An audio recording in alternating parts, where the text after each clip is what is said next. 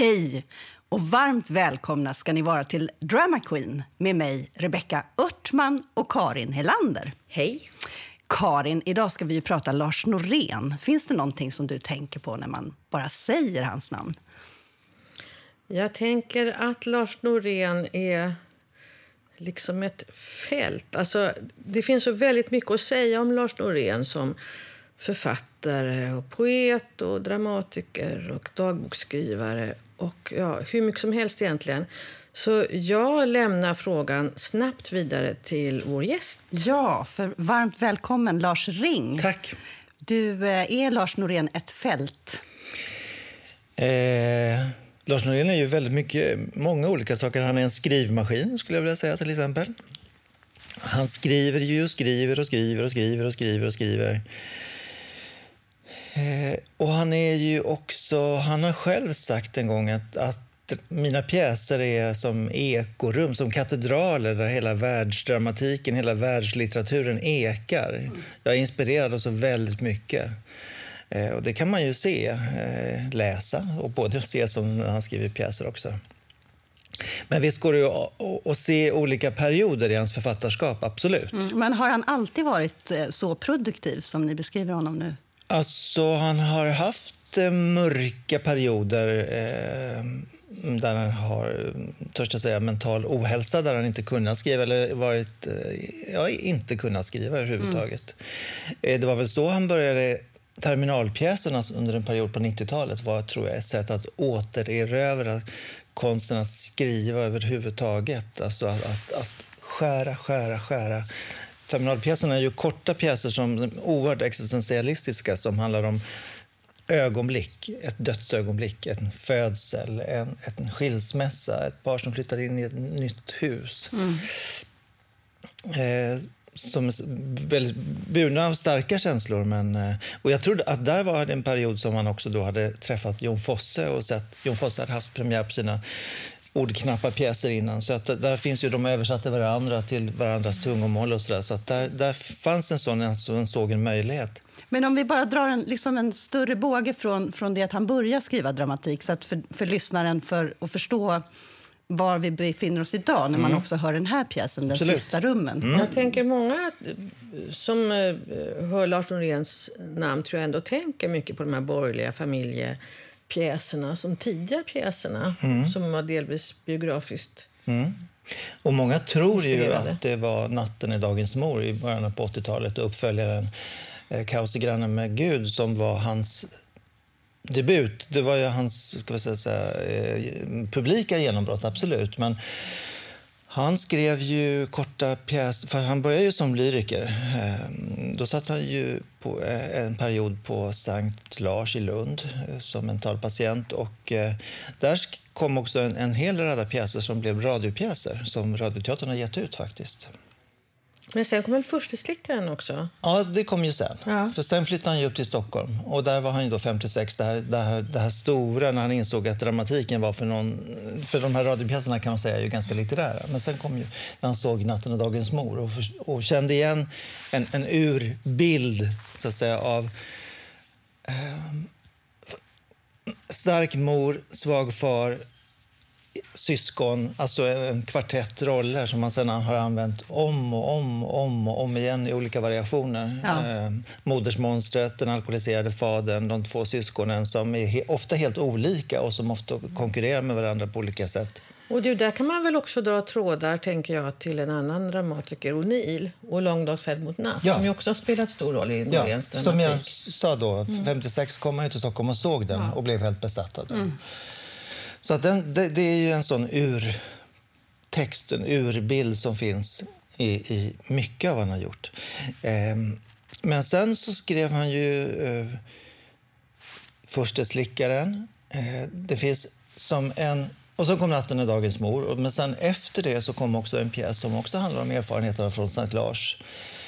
Alltså kliniken till exempel som ju utspelas på ett, ett mentalsjukhus. Eh, de här inspärrade. Och där finns också det här typiska som blev typiskt för honom i många pjäser sen också, 7.3 och 3.1. Eh, en, en, en rollkavalkad av olika människor som lider, alltså som en slags kör. Mm. Så, och rummen av... är, är då eh, antingen ett, ett väntrum eller en, ja, en eh, ja, hangar eller ja, instängda i karantän. Och där då dessa människor tvingas, alltså det är också Sartre, så där har han ju också det stängda rummet. Och sen Beckett är också en sån väldigt, väldigt tydlig inspiration, med det, med det tragikomiska så att säga. Eh. Men sen tänker man går till personkrets till exempel, då är det också en annan slags människor som befolkar rummet. Ja, absolut. Men, men också på, i kliniken och ett sorts, ett sorts Hades är ju också en annan sorts mm. människor. Så att han rör sig ju... Och vilka är, människor är det som befolkar då personkrets eller, och i en sorts Hades? Vi kan börja med det här, de här 80-talspjäserna mm. som är borgerliga komedier som han skrev ju tio stycken på 80-talet.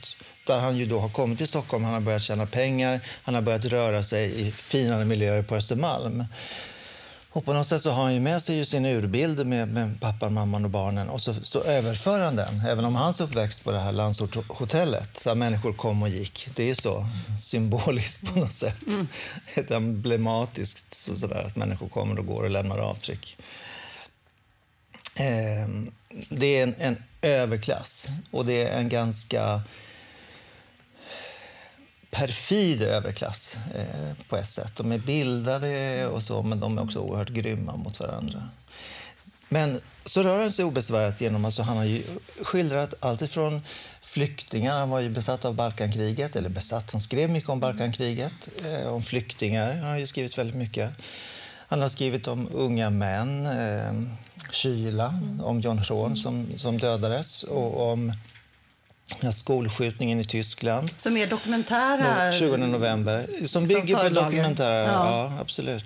Ehm, men han rör sig ju fritt, alltså som en, en sann konstnär på något sätt. Och också uppvuxen i någon slags klasslöst där i Genarp.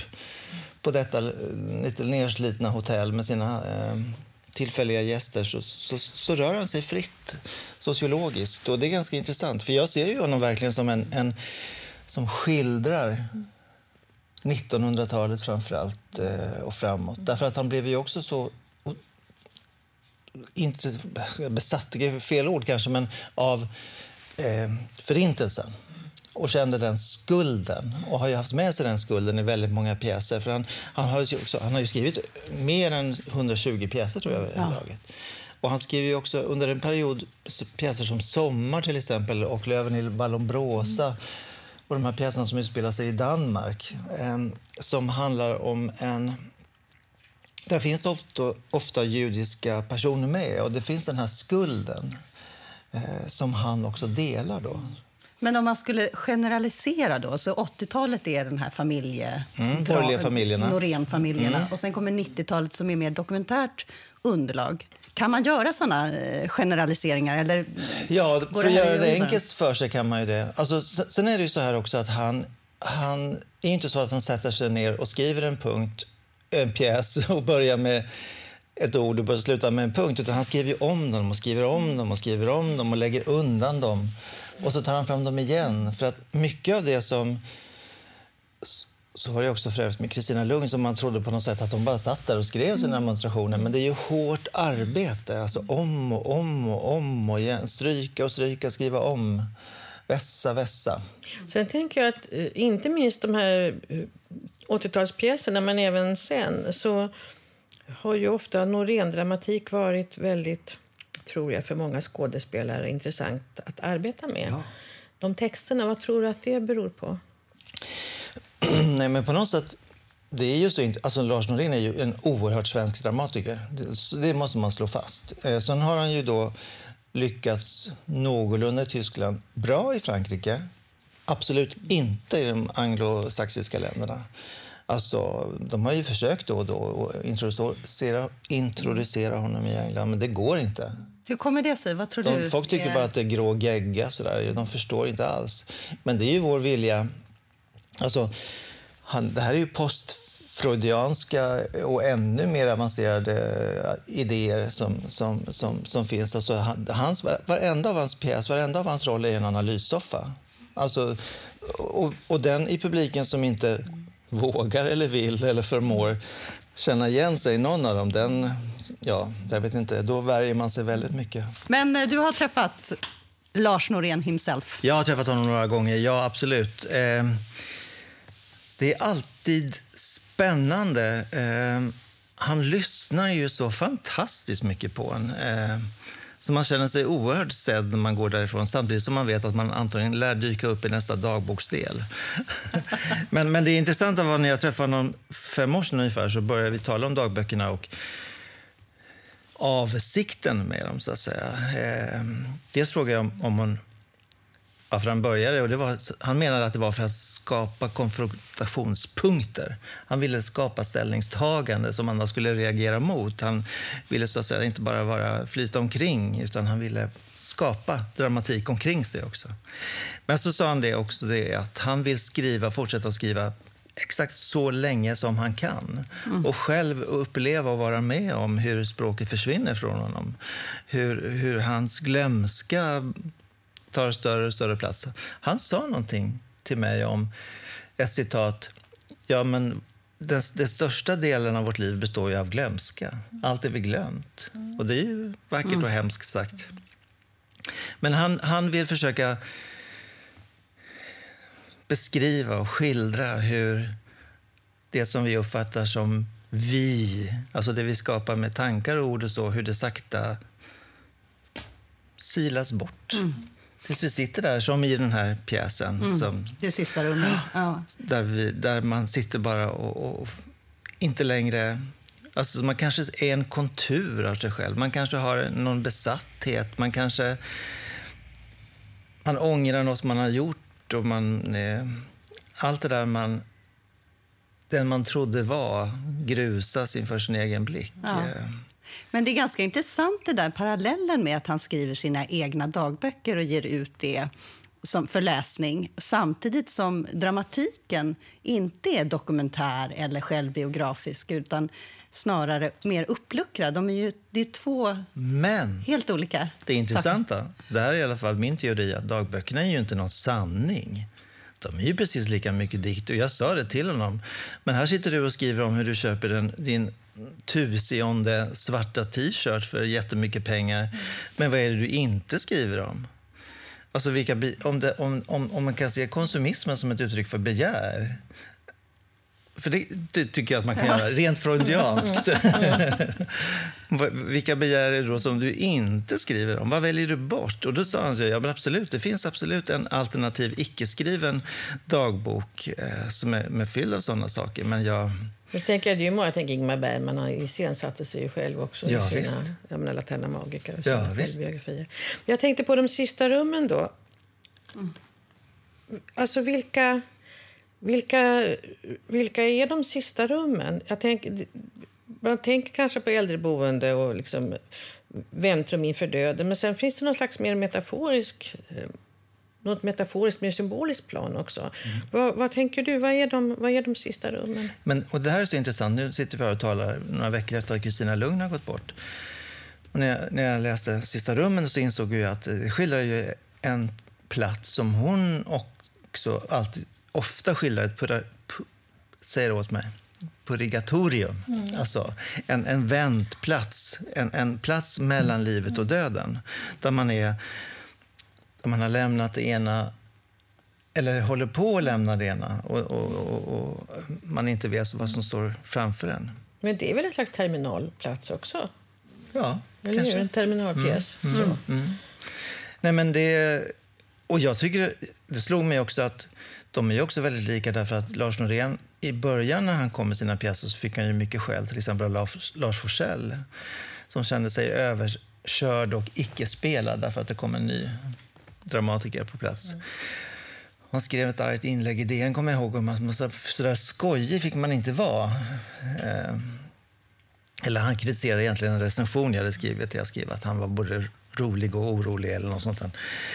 Eh, så då angrep han mig istället. Men, men, men det är ju det som är det geniala, så att, säga, att man får ju faktiskt vara det. Alltså, och Kristina Lugn var det kanske mer publikfriande. Det har han i alla fall sagt själv till mig, att jag har var, nog varit för, för publikfriande. Men Lars Norén var det ju därför att vi är ju komiska.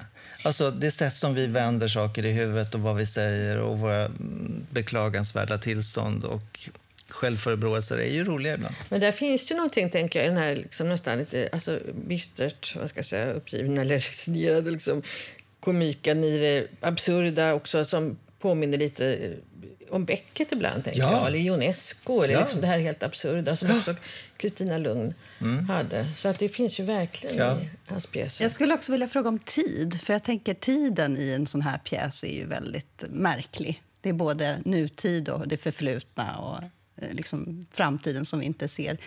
Hur har han behandlat begreppet tid i sina pjäser? Ja, har vi funderat på det? men jag tänk, jo, men kan man inte säga så alltså nu, nu kastar jag ut några krokar så får du haka mm. på dem. Mm. Jag tänk, då tänker jag tillbaka till de här 80-tals, alltså Natten i dagens mor, och, och, som då är så precis 1956 mm. angivet med mm. tid. Och Det är mm. liksom världshändelser som han mm. refererar till. Och det, urpremiären på Långdagsfärd mot natt som återkommer också i flera av de här 80-talspjäserna. Eh, och sen gör han också Ge skuggorna till exempel som ju handlar om familjen O'Neill och så. Så där är ju tiden liksom ändå preciserad. Mm. Och sen tänker jag på de här som du talade om, de här sena andanten, de här pjäserna, eller som de sista rummen som är, som är, en, som är en situation som är ett nu, men man vet inte när nu är. Så uppfattar jag det. Alltså det är ingen precis tid, Nej. men situationen är på ett sätt precis. Jag tänker på Stilla liv då, som ju gick på Dramaten för några år sedan, som ju inte har någon text. Som är en lång föreställning i, i, i någon slags sepiabrunt, som bara är bilder. Bild, korta och långa bilder av unga arbetare med cykel, människor som dör flera gånger och långa scener när man bara sveper liken och sådana där saker. En slags oerhört taktil pjäs som handlar om ta i varandra. Det är som gamla, ett fotoalbum från, ja. från 1900-talet.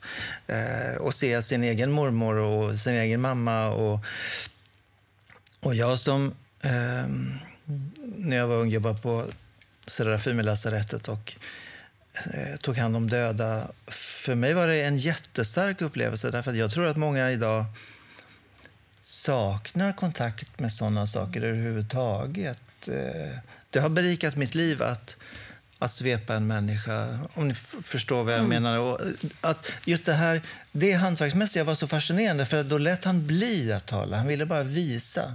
Jag tror att en del tyckte att det var väldigt konstigt, men jag tyckte att det var på ett sätt genialt. Men är det inte så också då att tiden, alltså det vi uppfattar som tiden beror på vilken tid vi befinner oss i och vem som befinner sig i tiden. Jag tänker nu när man läser eller lyssnar till de sista rummen, så i alla fall för mig, jag kan inte låta bli att tänka på corona. Alltså vi läser ja. om äldreboenden och folk som dör i Region Stockholm och, menar, och syrgas och respiratorer och, och, och även såna här eh, textfragment i, i de sista rummen om personalen. De, de är rädda eller de slåss med, slår med käppar eller de gör si och de gör så. Nu sitter vi här och vi kan inte annat och kan de inte öppna. Alltså, det blir ju det är ju inte en coronapjäs, men det är ändå så att vi lever i en coronatid som ger andra schatteringar åt texten. Och precis som det är en absolut eh, hänföring, eller vad säga, syftning till ett slutspel. Mm, där ju människor sitter i, i varsina soptunnor, eller föräldrarna sitter i varsin näg och näll. Som ju sitter där i sina soptunnor och, och, och inte vet någonting och är blinda och en dör. Eller... Eh, Godot, de väntar på någon. Har ja, han kommit? Ja. Och lyckta dörrar framförallt. Ja, Sartres, Men har Lars I helvetet, vill bara säga Sartres lykt, äh, lyckta dörrarna i helvetet. Där de andra är mm, helvetet. helvetet. Och här är det också så att de här replikerna som, som hela tiden går in i varandra och ut i varandra. Eh, det är ju alltså helvetet. Men har han, har han alltid varit existentiell, eh, Lars ja, Norén? Har han absolut. sett som en existentiell författare? Nej, det har han väl inte. Alltså, jag tänker att han... Alltså vad svårt. Det, det är han väl på ett sätt vis har han väl alltid varit. Men jag tänker idag... annat har väl tagit överhand. I början i alla fall såg man också hur han iscensattes, tänker jag. Eh, som en liksom väldigt realistisk ja. eh, skildrare av i och för sig existentiella känslor ja. med svåra relationer, ja. svåra familjerelationer. Men sen som du sa, sen kom ju Susanne Osten och drog fram en teatralitet i hans ja. dramatik. Och men även Förstaslickarna var ju väldigt teatral. Ja, det... Men tyvärr har det inte ja. den... Det har inte hållit. Utan nu går man, man, alltså, det är ingen som riktigt vågar ge sig på att göra andra saker med hans pjäser. Jag kommer ihåg, apropå Kristina Lugn, när jag såg Idla flickorna andra gången med eh, syskonparet... Mm. Syskonparet... Syskonparet... Ylva och eh, Stina Ekblad. Ekblad. Just det. Och där gjorde man ju en rent, alltså icke-psykologisk realistisk. Som, och Idlarflickorna handlar ju också om två kvinnor som sitter på en strand och absolut är döda.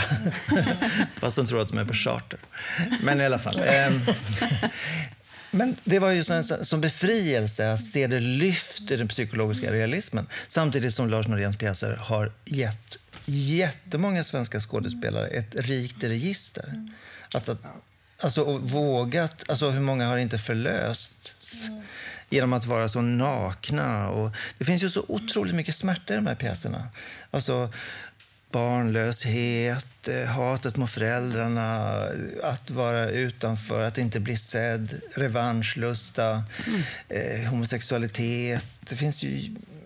Det finns bara att Och vad som är intressant i den här då, som vill också tänker jag, det kan du bättre, finns i många av hans senare pjäser, det är ju att de här, den här smärtan finns ju som en slags grundton, men också, man, den får liksom inte sin förklaring eller sin bakgrund, men den finns ju där fläckvis.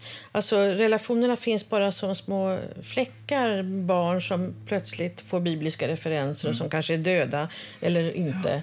Alltså, någon kanske har kanske finns en relation mellan två förstår man, men man får inte veta så mycket. Nej. Eh, man förstår också att kanske en av, av eh, roll, rollerna har drag av en känd dramatiker vars mm. ord börjar svika. Alltså det, och som ångest över allt han ja, aldrig skrev. Ja, och som, som kanske känner, snart ser att han hen blir bortglömd. Mm. Så att det, de där, alltså, det finns fläckvis, men det finns inga förklaringar på samma sätt som i de tidigare psykologiska förklaringar nej, de tidigare pjäserna. Nej. Och det finns inga tydliga roller som att någon är narkoman eller någon är alkoholist. Eller, det finns inte så, utan nej. här är det bara skal kvar. Men du, apropå skal, de här, alltså de sista rummen. Eh, och är det inte så att i många av hans senare pjäser så är, och, åtminstone de här terminalpjäserna, men säkert andra också, så är just rummen ganska kala. Alltså det, det, är en slags form av existentiella renspolade rum. Liksom, precis som språket är ganska är och liksom minimalistiskt och renspolat. Även rummen är det. Men så finns det ändå vissa... Här står det att liksom, ljuset är föränderligt. Och det talar ju också rollerna om, att ljuset kommer och går och man är i mörker. Alltså det är väldigt metaforiskt. Mm. Hur, hur ser den där rumsuppfattningen ut i hans pjäs? Men han har ju inte varit en sån... Han är ju inte Beckett på det sättet att han också skriver regin i... Scenanvisningarna? nej, nej, utan han eh, låter ju teatern vara i fred ganska mycket. Men någon vinkar i en spegel? Någon vinkar i en spegel. Det är du själv. ja, nej, men det... Jo, absolut. Ja, men han, han litar väl mer och mer på, på teatern. Han har ju regisserat själv också. Han har ju, gjort fantastiska saker, tycker jag. Men jag, nej, men jag kan ändå längta efter att man är mer respektlös mot honom, om ni förstår vad jag menar. Jag tycker all konst mår bra att få en bred spark här och där. Att man gör någonting annat att man klipper och klistrar eller att man tar ett tema eller att man... Ja, så man har inte riktigt börjat våga göra det med Kristina Lugn men man kanske måste vänta tills folk har gått bort för att de ska riktigt sätta igång. Är det, är det lätt, tror du, att överhuvudtaget när man är en etablerad och liksom så, produktiv dramatiker, etablerad dramatiker, att man fastnar i en slags... Jag tänker på Tjechov som så länge var fast i sin liksom, vemodstyngda, melankoliska, ibland lite sentimentala liksom, iscensättningstradition. Innan man, det, det är ju länge sedan man bröt mot den och det har mm. man brutit mot många gånger på olika sätt. Men att det är lätt att man fastnar i en slags eh, liksom helig tradition. Ja, absolut. Nej, men jag är ju gammal nog att komma ihåg när jag började gå på teater och såg de här Tjechov-pjäserna just då, då skulle det ju vara minst ett antal björkar, en samovar, en, en gunga, eh, en Väldigt långa pjäser, eh, långa pauser mycket, mycket, mycket undertext som dallrade. alltså jag, jag var ju med om när man bröt sönder det där och det har ju Tjechov vunnit någonting oerhört på. Så allmän respektlöshet anbefalles. Kan du se några pjäser som, som du tycker skulle vara bra material att sätta tänderna i på ett respektlöst sätt? Alltså, Sommar spelades ju på Dramaten. Och den handlar ju om en familj i skärgården och en son som kommer hem och han har en sommarförkylning. Och det, man förstår ju då att det är aids, för det var just under aids-eran. Eh, jag tycker det där är jätte jätte, det var jätteintressant, tycker jag. Och det finns de här pjäserna som också spelas in av SVT, som utspelar sig i Danmark. Mm. Som är helt bortglömda. Jag har till och med glömt bort vad de heter. Nej, det finns ju så många titlar. Men, men det finns jättemycket. Och jag kan bli alldeles rasande på Svensk Teater när jag tänker på när P.O. Enquist går bort. Alltså, det finns ju så mycket att spela. Ja. Är det någon som tar in en engelsk underhållningspjäs till så blir jag tokig. vad, vad, tänker man i framtiden då? Om man skulle tänka att uh, Lars Norén kommer upp nu med, med en bunt pjäser till. Vad, vad tror du utvecklingsmässigt? Kommer, kommer han vara någonstans? Det är omöjligt att säga. Och det är det som är så fascinerande också. Att han, det är omöjligt att säga. Eh, han är ju han är ju helt osentimental kan man säga på ett sätt. Det är en stor förtjänst. Men också för de som lever nära honom tror jag ganska arbetsamt. Eh, för det, det, kommer naturligtvis att bli en period som efter Strindberg, att man ska tala om vem som egentligen var vem i alla dessa pjäser. Mm. Och det går ju tyvärr ofta att säga. Eller man, man, kan se olika delar i alla fall av olika. Så man får hoppas att man inte hamnar i det biografiska, för det är ju egentligen det I återvändsgränd. Ja, men tänk dig som Anna, Anna Pettersson gör nu på Strindbergs Intima. Ja. När man äntligen, mer än hundra år efter farbror August har dött, mm. så gör honom till verkligen en modernist. Och vågar just ja. vara respektlös. Ja. Men du, sen tänker jag, det kommer ju ändå någonting mer i de sista rummen som jag tänkte höra med dig, för det vet inte jag så mycket om. Alltså musiken, musikens plats. Jag, jag, jag kommer ihåg lite saxofoner och så. Men alltså, vad, vad har musiken för roll i den här, de sista rummen och vad har musiken för roll i hans dramatik? Tyst musik skrev han ju en pjäs om. Mm, det. Alltså det, det, han är ju oerhört musikalisk. Eh, och läste hans pjäser... Jag har faktiskt några ex hemma av oredigerade 80-talspjäserna, de här borgerliga komedierna då, som, som innan Magnus Florin eller någon satt och strök ner dem till spelbara. Mm. För han sk bara skrev och skrev och skrev och skrev och skrev och skrev. Eh, men det finns ju en musikalitet i dem som är helt fantastisk. Sen tror jag att poängen med det här tyst musik är att det ska inte alls vara någon musik. Nu har inte jag lyssnat på den här uppsättningen. Vi, vi har ingen musik. Nej, för poängen är ju att den där musiken är ju, det där är ju öppningen mot, om vi säger att det där är det är denna dimension. Och där finns det kan man säga då en, en, en, en liten, liten... Han är ju inte alls religiös eller sentimental eller på något sätt så. Även om han har med Kristusgestalter i en sorts Hades och eh, eh, den där andra pjäsen om sinnessjukhus som heter... Ja, det kommer sen. Eh, där finns det Kristusfigurer. Och man kan ju också säga att Alltså han själv, den unge David och vad de heter i Natten är dagens mord, de är ju också ett slags Kristusfigurer därför att de pinas och plågas och flyr så småningom sitt hem. Ehm. Men här får väl musiken mer en, en slags den får... Transitbetydelse? Ja, precis. en ja. dimensionsförflyttning, ja. ja. jag ska kalla det för. Men, men så att säga, om man kan tänka sig, det finns i Peter Schaffers Amadeus som är en boulevardteaterpjäs, absolut, som ändå har vissa kvaliteter. Eh, som, där någon säger att det är så här Gud uppfattar världen, som en, en, en kvintett eller en kör. Som, som, som, så. Och då kan man tänka sig att, ja, men om, om då, vad är då livet? Han skriver någonstans då, som citerar ur Bibeln att det är som att hälla ut vatten på sand. Det försvinner ganska omedelbart. Men, men musiken kanske består. Det är bara det att det är andra toner. Så att, säga, att det finns ändå... Ja, jag ska inte sitta och vara religiös åt Lars Dorén. men men, det, det, jag tror att det är mycket mer en mm. transitatorisk... Ja, än att det är verklig musik. Jag tror inte man ska spela något av Arvo Pärt där. Kristina Lugn var ju en uh, citatmaskin. Ja. Är um, Lars Norén också det? Nej, det är för avancerat för det. Det är för... för... Jag, jag, alltså jag har ju några här grejer som jag har strukit under i alla mina papper. Som, men men alltså det är inte så att man Lars Norén, Julen, då, som, vi, som ju blev populärt efter de borgerliga kvartetterna eh, och som lever väl kvar på ett sätt, även om pjäserna ser annorlunda ut. Sen finns det en del snuskiga historier som man kommer ihåg därför att de är så roliga, men det kan man inte sitta och prata om här. Som finns i pjäserna, som rollerna säger. De här Skånepjäserna eh, som är också på 90-talet. Va? Men sen tänker jag också det... Eh, någonting annat som jag tänker också Tiden är vårt hem. Ja, just det. Tiden är vårt att det finns annat som har förändrats också i hans produktion. Jag tänker också alltså kön. tänker jag.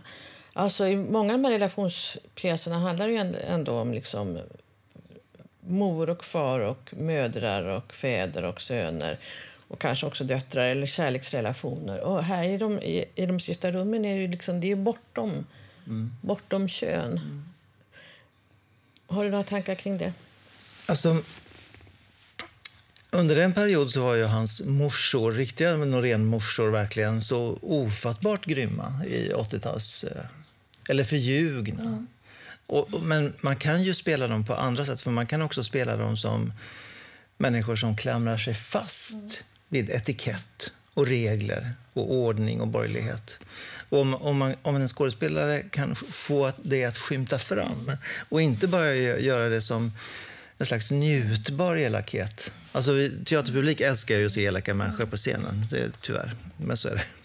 Och då är det enkelt, så enkelt att göra dem, dem endimensionella. Men om man kan i varje roll hitta alla dimensioner som, som, som faktiskt finns där. Därför jag, jag kommer ihåg en gång för länge sedan när jag intervjuade Lars Norén och så pratade jag om Natten och dagens mor. Och, så, och det, det, de är ju väldigt självbiografiska på ett plan. Och då så, så, så sa jag någonting om hans pappa, om att han tyckte så illa om, eller förutsatte att han tyckte så illa om honom för att han är ju en sån hopplös alkoholist och, som ljuger och är bara jätteskitjobbig. Medan stackars mamman dör i cancer. Och då säger han så här, nej nej, det där är helt missuppfattat. Jag älskade min far. Jag hatade min mor. Jag tog alltid hans parti. Och då var inte de pjäserna spelade så, utan han var spelad som en jobbig alkoholist, inte som en älskansvärd. Om ni förstår, han som flydde till spriten därför att hennes kyla... Eh. Jag tänkte plötsligt, det var ju inte respektlöst på det sättet, men jag tänkte att Norrbottensteatern gjorde ju faktiskt, jag kommer inte ihåg vad Natten är dagens mor och någon av de andra familjepjäserna, men de bytte eh, roller, alltså kön, skådespelarna, att det var mm. tvärtom. Ja. Det blev, det, det var, jag kommer ihåg det som en väldigt intressant föreställning. Mm. Men du, du, har, du har lite Norén-citat här på dina papper. Kan du inte... Nej, men det var... Tänkte få lite Norén-ord med sig. Ja, vad ska jag inte dra till med? Nej, men det här som han sa när jag intervjuade honom 2015, han var 71 då, fick Anneviks stipendium, så sa han ju att eh, jag undrar så hur lång tid mina ord kan härbärgera mig. Um, det ska bli väldigt intressant att skriva sig mot utslocknandet, den karghet som glömska möjligen innebär. Och det är väl det han håller på med. Jag tycker det är en väldigt bra beskrivning. Han, han, han vet uppenbarligen vad han håller på med. Mm. Uh, ja, men han är ju... Så där kan man ju... Alltså, för, för det som jag framförallt tycker att, att det som Lars Norén har betytt för mig är att han har gett mig ord att förstå mig själv. Alltså, för det är så ett intrikat språk och det är så mångbottnat. Och det är också, tycker jag, man kan förlåta sig lite själv också. eh, när man ser hans pjäser. Eh, jag, så känner jag, jag blir aldrig oberörd.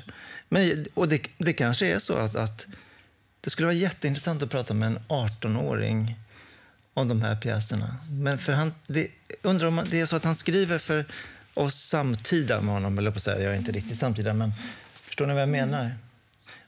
Om, om en 18-åring går och ser Andante där de sitter där med sina och säger halva meningar och stirrar ut över horisonten och sakta dör. Är det outhärdligt för dem? Kan de förstå det överhuvudtaget? Det får kanske bli den respektlösa generationen. Eller vill de se bara eh, Natten dagens mor om och om igen? Där den unge mannen står och experimenterar med sitt kön och drömmer om att möjligen vara flicka eller inte. Om ni kommer ihåg inledningsscenen. Men jag tänker som den här, de senare pjäserna, eller som den här De sista rummen, där är det, det att man lägger in mycket... Det är så glest. Mm. Så att man lägger in mycket av sina egna erfarenheter oavsett tror jag, vem, vem man är, hur gammal man är eller ja, vilka erfarenheter man har. Och det är det man jag alltid dit. undrar. Som teaterrecensent så undrar jag alltid vad, vad publiken tänker och tycker egentligen. Och det, det är så, så intressant med teatersociologi, så att säga. Vad når fram till vilka? Eh, vad kan man säga med teater? Vad, man kan, vad kan man inte säga med teater? Och här tycker jag, och det tror jag är hans vilja också, att nå fram till det som man faktiskt nästan inte kan säga. Utom på det här halva, fragmentariska, sönderslagna sättet. Ja, ja. Tack, Lars Ring, för att du kom till Drama Queen och pratade om. Lars Norén. Vad härligt. Och tack, Karin. Tack.